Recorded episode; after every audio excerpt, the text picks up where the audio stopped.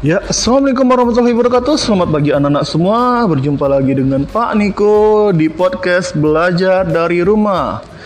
Ya, di sini kita akan belajar tentang drama-drama kehidupan. Ya, seorang anak di sini si, untuk buku cetak untuk buku cetak bahasa Indonesia kelas 7 edisi revisi 2017 silakan buka halaman 199. Nah, An seorang anak perempuan duduk memulihkan muka, ada rasa kesal di batinnya. Sang kakak tidak peduli dengan perasaan adiknya itu. Ia tetap dalam lamunan dan khayalnya, entah menghayalkan tentang apa. Peristiwa-peristiwa seperti itu sering kita saksikan, bahkan mungkin pula kita alami sendiri. Peristiwa itu tidak terjadi dengan sengaja. Jangan terpikirkan untuk sengaja sedih, sengaja marah, sengaja bahagia, dan sengaja mengalami kecelakaan. Tentu tidak mungkinlah kalian melakukan itu di dunia nyata. Kecuali kalau kalian mau prank ulang tahun atau prank lainnya, ya mungkin lah. Nah, dalam kehidupan sehari-hari pada umumnya peristiwa-peristiwa itu berlangsung secara alamiah, tidak terencanakan tentunya.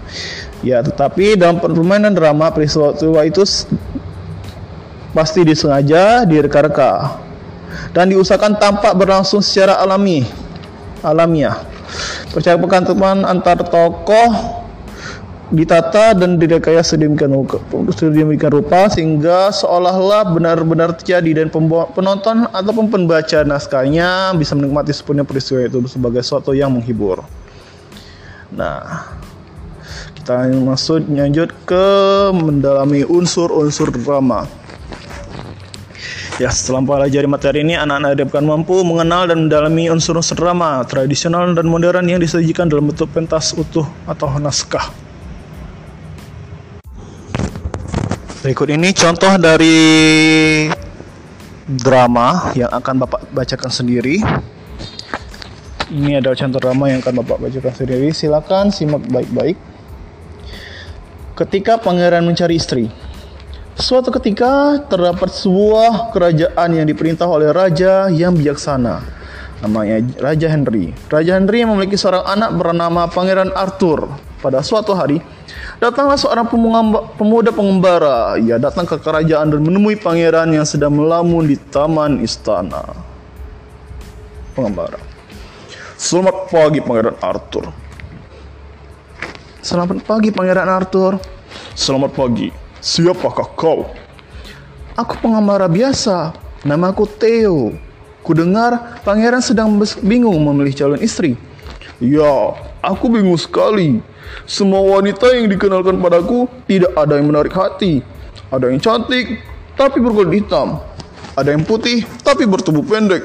Ada yang bertubuh semampai, berwajah cantik tapi tidak membaca, tapi tidak bisa membaca. Aduh. Hmm, bagaimana kalau ku ajak pangeran berjalan-jalan sebentar? Siapa tahu di perjalanan nanti pangeran bisa menemukan jalan keluar. Oh, baiklah. Mereka berdua lalu berjalan-jalan keluar istana. Theo mengajak pangeran ke daerah pantai. Di sana mereka berbincang-bincang dengan seorang nelayan.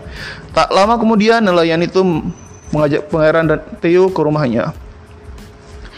Istriku sedang memasak ikan bakar yang lezat. Pasti pangeran menyukainya. Silakan tuan-tuan, nikmati makanan ini. Wahai nelayan, mengapa engkau memilih istri yang bertubuh tubuh pendek? Hmm, aku mencintainya. Lagi pula, walau tubuhnya pendek, hatinya sangat baik. Ia pun pandai memasak. Hmm.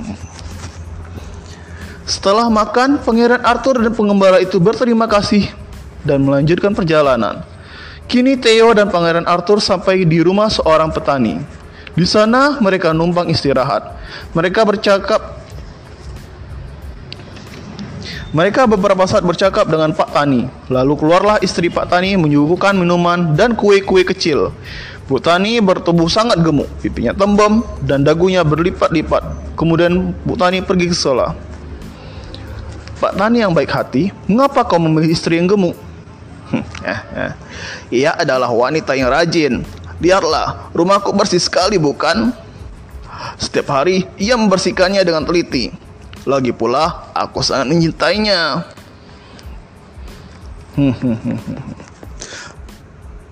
Pangeran dan Theo lalu pamit. dan berjalan ke pulang ke istana. Setibanya di istana, mereka bertemu seorang pelayan dan istrinya. Pelayan itu amat pendiam, sedangkan istrinya cerewet sekali. Pelayan, mengapa kau memberi, kau beri istrikan wanita sebawel dia? Uh, walaupun bawel, dia sangat memperhatikanku dan aku sangat mencintainya. Hmm, hmm, hmm. Kini aku mengerti, tak ada manusia yang sempurna. Begitu pula dengan calon istriku. Yang penting aku mencintainya dan hatinya baik. Pangeran sebenarnya ya. Pangeran sebenarnya aku putri Rosa dari tetang negeri tetangga. Ibunda pangeran mengundangku ke sini dan menyuruhku melakukan semua hal tadi. Mungkin ibundamu ingin menyadarkanmu. Akhirnya aku dapat menemukan wanita yang cocok untuk menjadi istriku. Pangeran Arthur dan Putri Rosa akhirnya menikah dan hidup bahagia selamanya. Disadur oleh cerita Sadultul Huriyah dalam Bobo nomor 8 garis miring 28. Ya, teks tersebut yang dibacakan Bapak tadi merupakan contoh drama, yakni suatu teks yang menggambarkan kehidupan dan watak manusia melalui tingkah laku akting yang dipentaskan. Drama juga diartikan sebagai karya seni yang dipentaskan. Ciri utama drama sebagai berikut. Pertama, berupa cerita. Kedua, berbentuk dialog. Ketiga, bertujuan untuk dipentaskan. Istilah drama sudah dikenal oleh masyarakat Indonesia sejak dulu. Hal itu terbukti dari dengan istilah-istilah yang sudah biasa kita gunakan, yang pengertiannya hampir sama dengan pengert dengan pengertian drama. Berikut istilah-istilah yang merujuk pada pengertian drama tradisional di masyarakat. Pertama, sandiwara. Istilah sandiwara diciptakan oleh Mangkunegara VII, berasal dari bahasa Jawa sandi yang berarti rahasia dan warah yang berarti pengajaran. Oleh Ki Hajar Dewantara, istilah sandiwara sebagai pengajaran yang dilakukan sebagai penambang secara tidak langsung. Kedua, lakon. Istilah ini memiliki beberapa kemungkinan arti yaitu cerita yang dimainkan oleh drama, wayang atau film. Itu lakon atau melakonkan.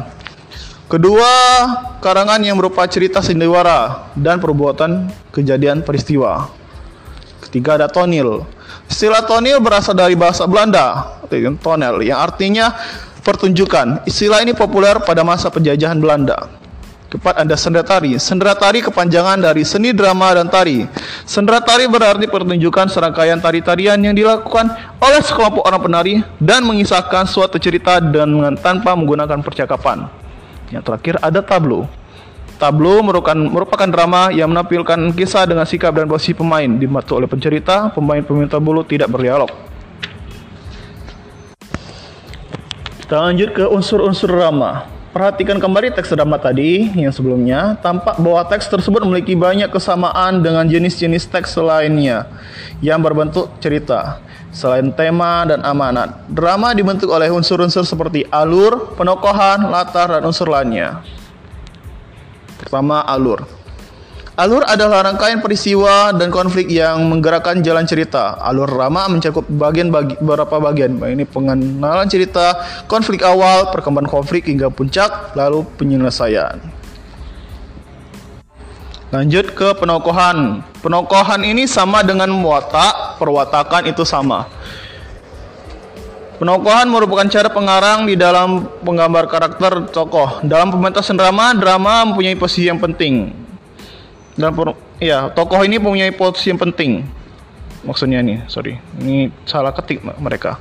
Tokohlah yang mengaktualisasikan naskah drama ke, ke atas pentas. Jadi ya, tokoh ini fungsinya itu mewujudkan apa yang tertulis di dalam naskah drama ke pentas atau ke panggung. Tokoh yang didukung oleh plaster peristiwa dan aspek-aspek lainnya akan menampilkan cerita dan pes dan pesan-pesan yang ingin disampaikan. Berdasarkan perannya, tokoh terbagi menjadi tokoh utama dan tokoh pembantu. Ya, tokoh utama ini atau atau bahasa karinya hero adalah tokoh yang menjadi sentral cerita dalam pementasan drama. Lalu ada tokoh pembantu atau anti hero adalah tokoh yang dilibatkan atau dimunculkan untuk mendukung jalan cerita dan memiliki kaitan dengan tokoh utama.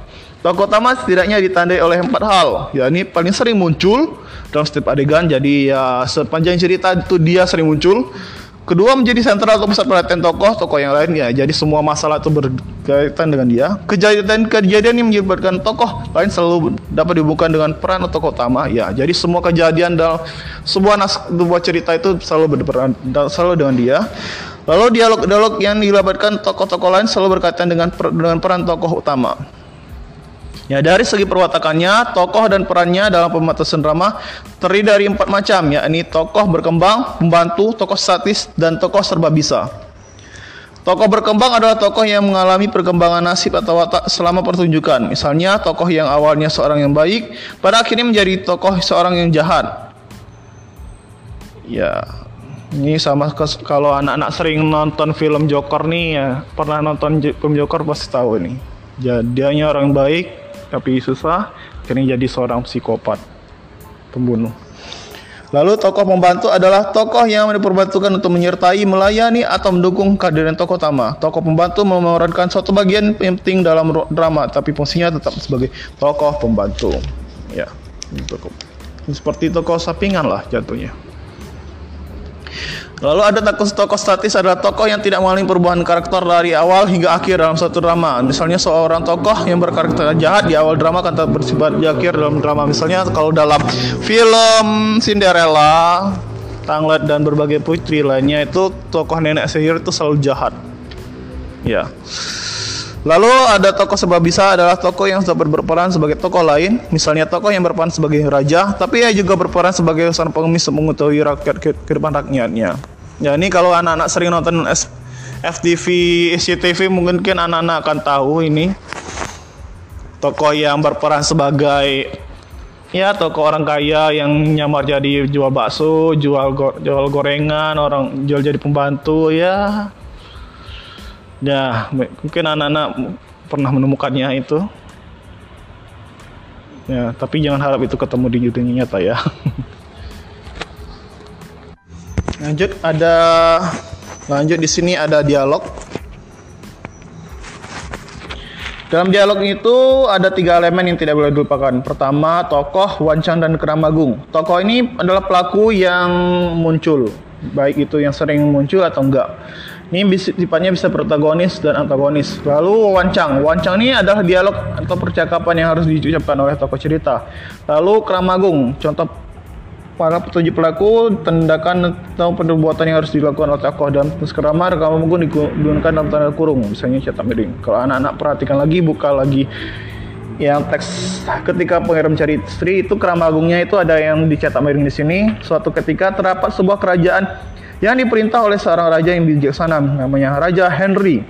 Raja Henry memiliki seorang anak bernama Pangeran Arthur. Pada suatu hari, datanglah seorang pemuda pengembara. Ia datang ke kerajaan dan menemui pangeran yang sedang melamun di taman istana. Itu contoh dari Keramagung. Kalau kalau biasa biasanya sih kalau dalam naskah lakon ini Keramagungnya itu sudah menggunakan huruf sudah menggunakan huruf kapital, tidak lagi huruf miring lagi. Ya kalau naskah lakon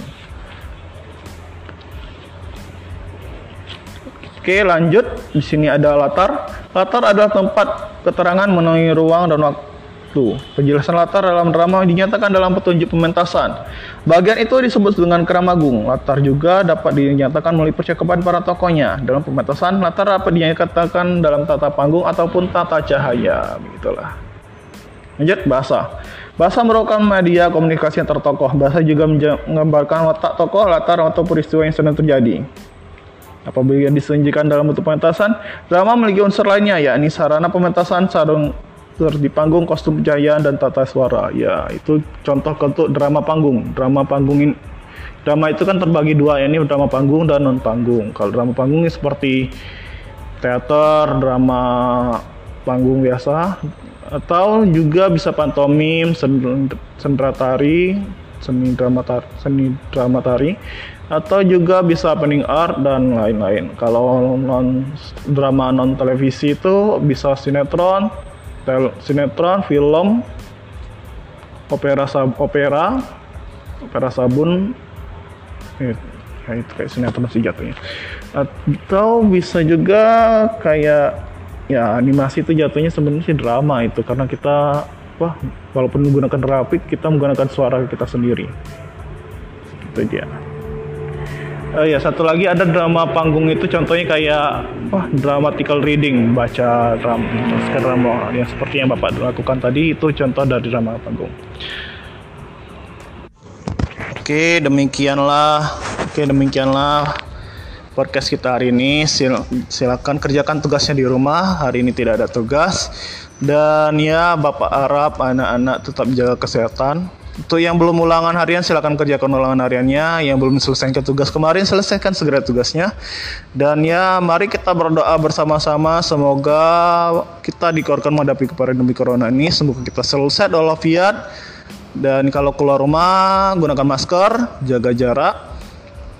Dan ya semoga ya dan ya, kalau di rumah usahakan bantu orang tua, jangan lupa berjemur juga ya. Oke, sampai Demikianlah podcast kita Bapak hari ini. Sampai jumpa lagi pekan depan. Assalamualaikum warahmatullahi wabarakatuh. Dadah.